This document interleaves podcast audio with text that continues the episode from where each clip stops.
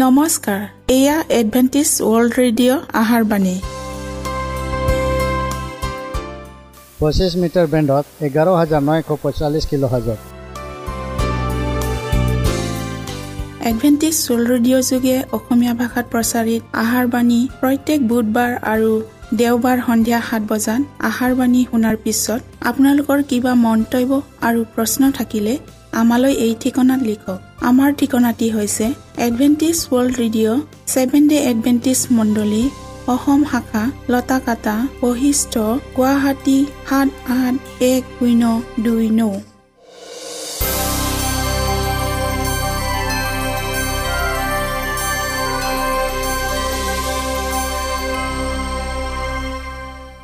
প্ৰিয় শ্ৰোতা বন্ধুসকল এতিয়া শুনো আহক এটি খ্ৰীষ্টীয় ধৰ্মীয় গীত।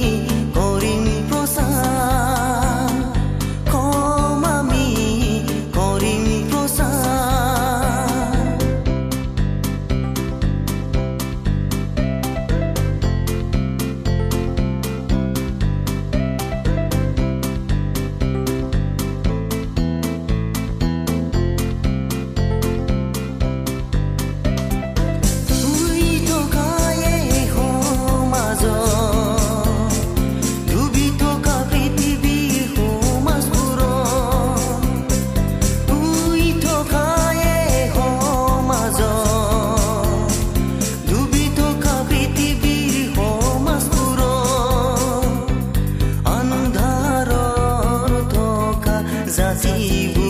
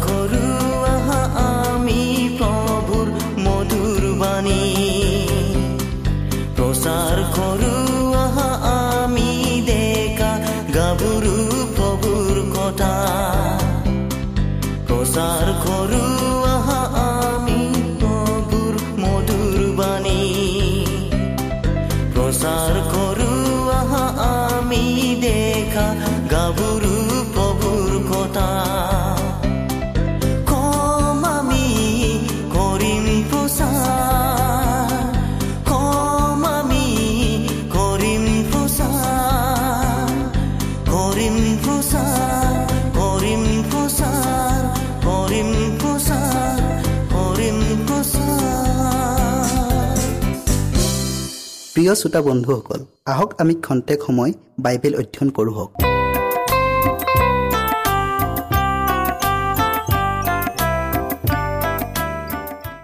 প্ৰিয় শ্ৰোতাসকল আজি আমি অযথাৰ্থ ধনেৰে বন্ধু স্থাপন ইয়াৰ বিষয়ে অধ্যয়ন কৰোঁ হওক। শাস্ত্ৰ পদ আপোনালোকে পঢ়ক লোক ষোল্ল অধ্যায়ৰ এগৰ পৰা নৌ পদলৈকে। অধ্যয়নৰ আগতে ঈশ্বৰৰ পৰা আশীৰ্বাদ খোজো হওক। সেই স্বৰ্গত থকা অসীম দয়াময় তোমাৰ পবিত্ৰ নাম ধন্যবাদ হওক। তুমি তোমাৰ প্ৰচুৰ পবিত্ৰ আত্মাৰে আমাক চলাই নিয়া আৰু আশীৰ্বাদ কৰা। এই বিশেষ বিষয় জানিবলৈ আমাক সুবুদ্ধি আৰু জ্ঞান দিয়া। যীশুৰ নামত খুজিলোঁ। আমেন। জগতৰ গভীৰ সংকটৰ সময়ত কৃষ্টৰ আগমন হৈছিল। মানুহে চিৰকলীয়া বিষয় বস্তুতকৈ পাৰ্থিৱ বস্তুক অগ্ৰাধিকাৰ দিছিল। সময়ৰ সমস্যা সময়ত চিন্তা নকৰিছিল। ৰূপক কথাবোৰ সত্য বুলি সন্দেহ নকৰাকৈ মানি লৈছিল আৰু যিবোৰ সত্য কথা সেইবোৰৰ প্ৰতি কোনো গুৰুত্ব নিদিছিল। তেওঁলোকে অদৃশ্য জগতখনক বিশ্বাসৰ দৃষ্টিৰে চোৱা নাছিল। জগতৰ অতি আকৰ্ষণীয় আৰু অতি মনোমোহা বস্তুৰ প্ৰতি মানুহৰ মন প্ৰলোভিত কৰি ছয়তানে তাৰ ফলীয়া কৰিছে। এই ভুল নীতি নিয়মবোৰ সংশোধনৰ বাবে আৰু মানুহক শতবুদ্ধিৰে মুগ্ধ কৰা তাৰ ফাণ্ডৰ পৰা উদ্ধাৰৰ অৰ্থে কৃষ্ট জগতলৈ আহিছিল। তেওঁৰ শিক্ষাত স্বৰ্গ আৰু পৃথিৱীৰ কথাৰে মানুহৰ মন বৰ্তমানৰ পৰা ভৱিষ্যত দিশলৈ আকৰ্ষিত কৰিছিল যাতে তেওঁলোকে তেওঁলোকৰ অমূল্য সময় অনন্ত জীৱনৰ নিমিত্তে চিন্তা কৰে। তেওঁ কৈছিল এজন ধনী মানুহ আছিল আৰু তেওঁৰ এজন ঘৰগিৰি আছিল। এই ঘৰগিৰিজনে তেওঁৰ ধনৰ অপব্যৱহাৰ কৰিছে বুলি মালিকক জনোৱা হ'ল। ধনী মানুহজনে তেওঁৰ ঘৰৰ সকলো সম্পত্তি দাজনৰ হাতত গতাই দিলে। কিন্তু দাজন বিশ্বাসী নাছিল। সেয়ে মালিকজনে বিশ্বাস কৰিছিল যে দাজনে নিশ্চয় এপদ দুপদ কৰি তেওঁৰ সম্পত্তিৰ অংশ হৰণ কৰিছে। এতিয়া মালিকে তাৰ হিচাপ পত্ৰবোৰ পুংখানুপুংখ ৰূপে তদন্ত কৰি তাক কামৰ পৰা অব্যাহতি দিয়াৰ সিদ্ধান্ত কৰিলে। মালিকে সুধিলে মই তোমাৰ বিষয়ে এইবোৰ কি কথা শুনিছোঁ? তুমি মোৰ সম্পত্তি লেনদেন কৰাৰ সম্পূৰ্ণ হিচাপ মোক দিয়া কাৰণ তুমি আৰু মোৰ ঘৰগিৰি হ'ব নোৱাৰা।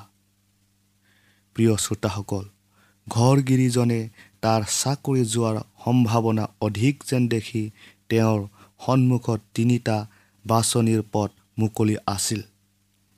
সি কঠোৰ পৰিশ্ৰম কৰিব লাগিব ভিক্ষা খুজিব লাগিব নাইবা অনাহাৰত দিন নিয়াব লাগিব।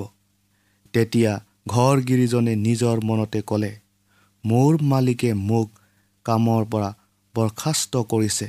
এতিয়া মই কি কৰোঁ? মাটি কান্দিবলৈ মোৰ গাত বল নাই। ভিক্ষা খুজিবলৈকো লাজ লাগে। মোৰ চাকৰি গ'লে মানুহবিলাকে যেন মোক তেওঁলোকৰ ঘৰত গ্ৰহণ কৰে। তাৰ বাবে মই কি কৰিব লাগে মই এতিয়া জানিলোঁ।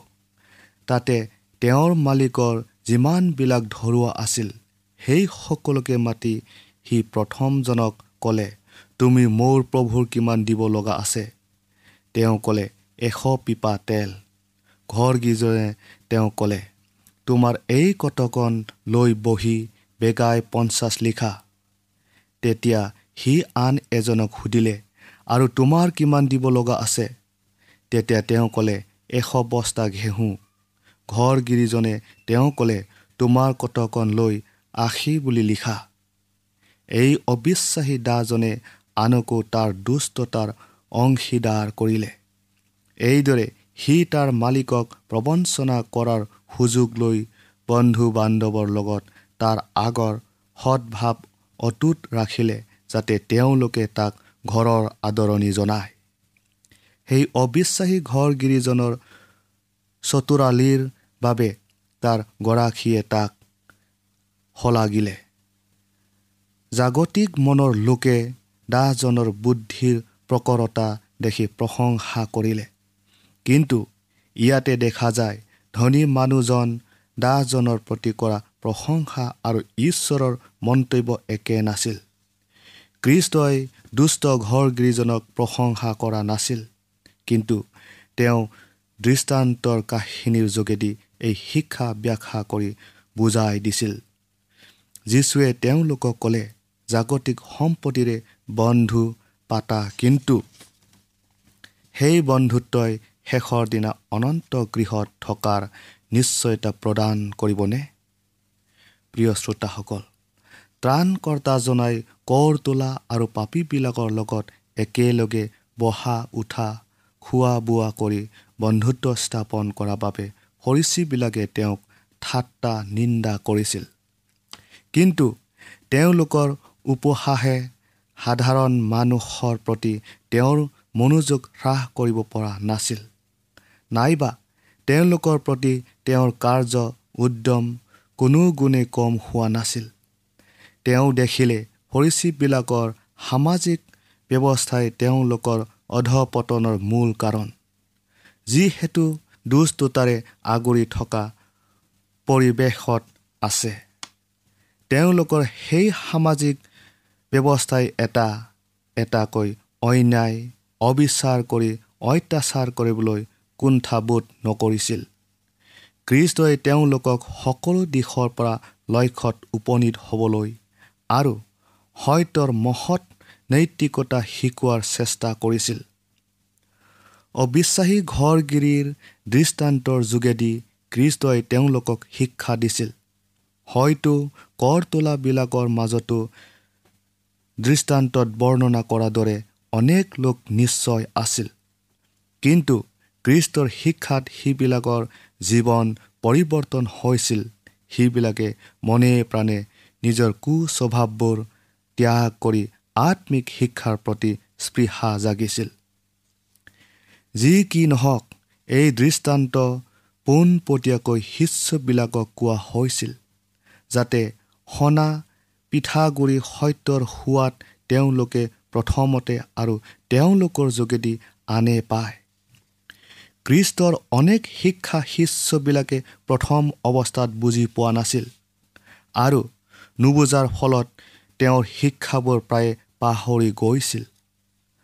পাছলৈ পবিত্ৰ আত্মাৰ প্ৰভাৱৰ ফলত সত্যবোৰ বিশেষ ৰূপে প্ৰকাশ কৰা হৈছিল আৰু শিষ্যবিলাকৰ দ্বাৰাই নতুন বিশ্বাসীবিলাকৰ আগত প্ৰেৰণাদায়ক ভাষাৰে পুনৰ প্ৰচাৰিত কৰা হৈছিল। ফলস্বৰূপে মণ্ডলী বৃদ্ধি হৈ গৈছিল। ত্ৰাণকৰ্তাজনাই সৰীচীবিলাকৰ লগতো কথা বতৰা হৈছিল।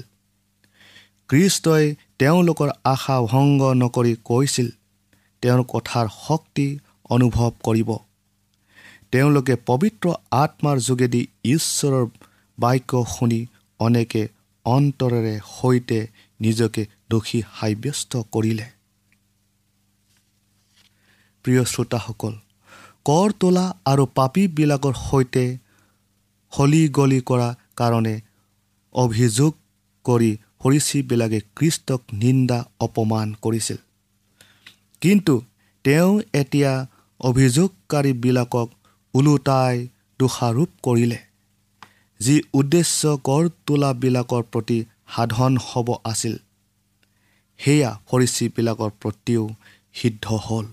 কাৰণ উভয় পক্ষৰে গতিপথ এটাই আৰু উভয় পক্ষৰে নিজৰ নিজৰ পাপ অপৰাধৰ পৰা উদ্ধাৰ পোৱাৰো এটাই উপায়।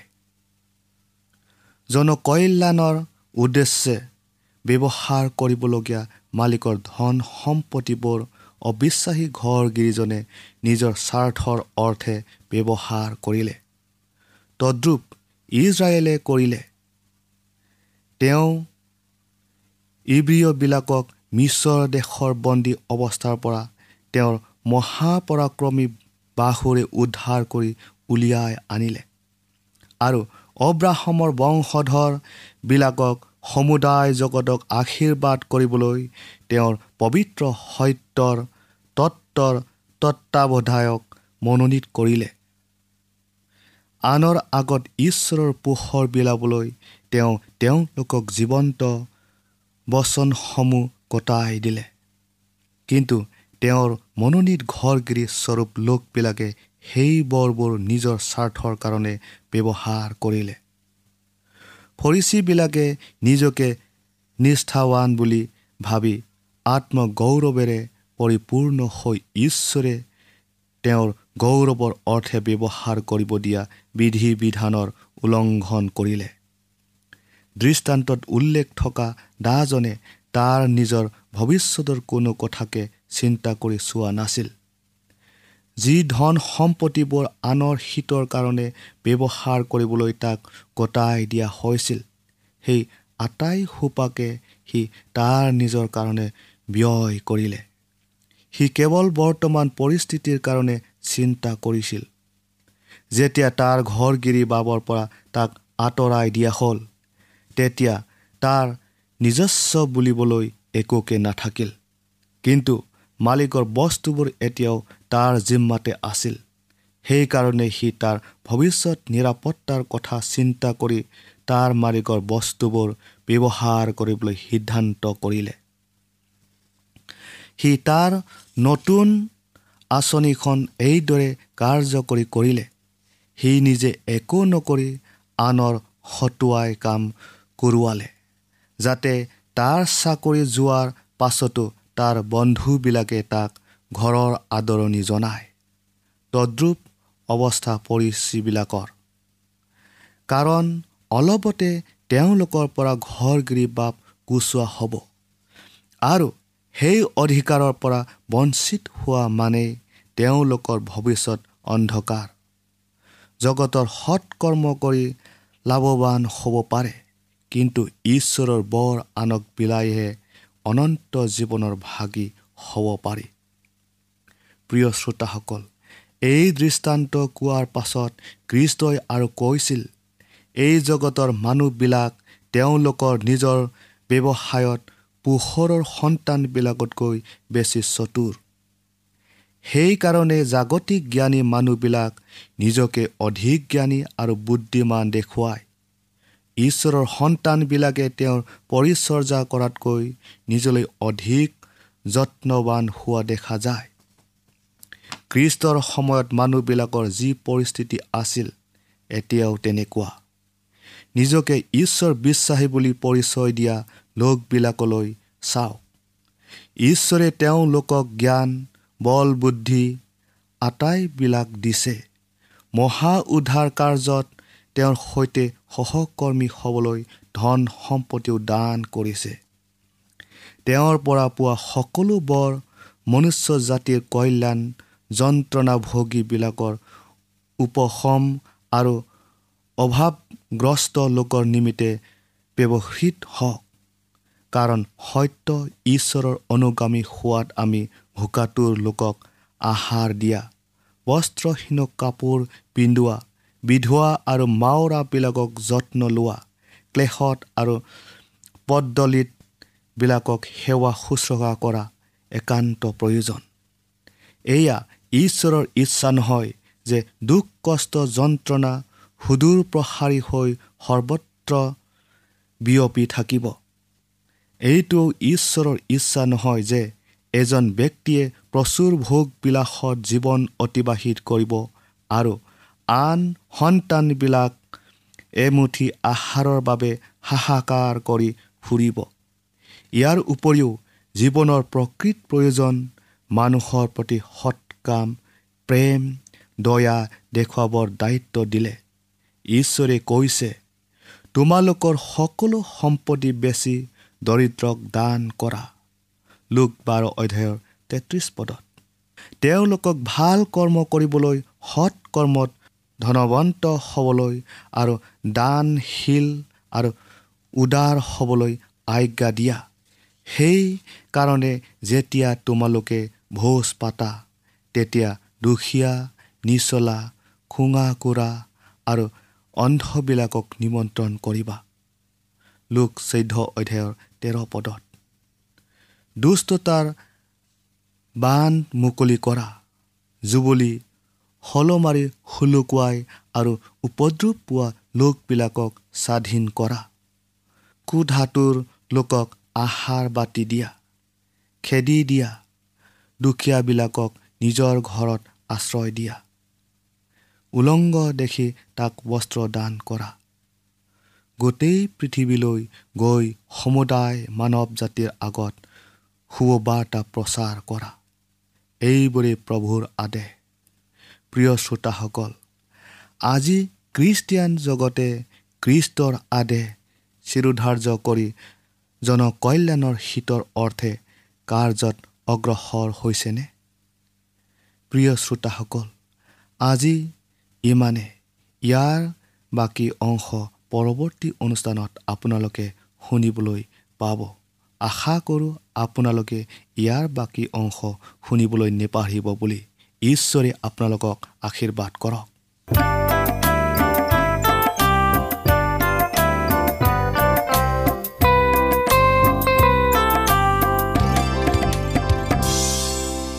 ইমানপুৰে আমি বাইবেল অধ্যয়ন কৰিলোঁ। এতিয়া আকৌ শুনো আহক এটি খ্ৰীষ্টীয় ধৰ্মীয় গীত।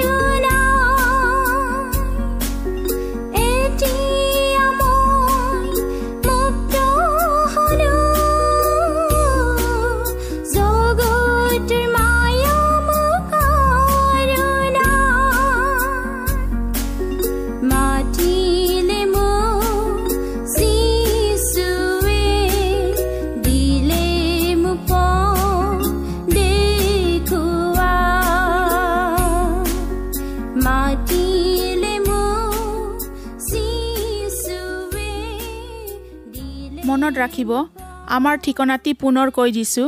Adventist World Radio' Assam region of seven day Adventist voice of hope Latakata Basistha Guwahati seven eight one zero' two nine প্ৰিয় শ্ৰোতা বন্ধুসকল এডভেণ্টিজ ৱৰ্ল্ড ৰেডিঅ' যোগে আহাৰবাণী প্ৰচাৰত আপোনালোকক পুনৰ লগ পোৱাৰ আহাৰে আজিলৈ সামৰিলোঁ। ধন্যবাদ।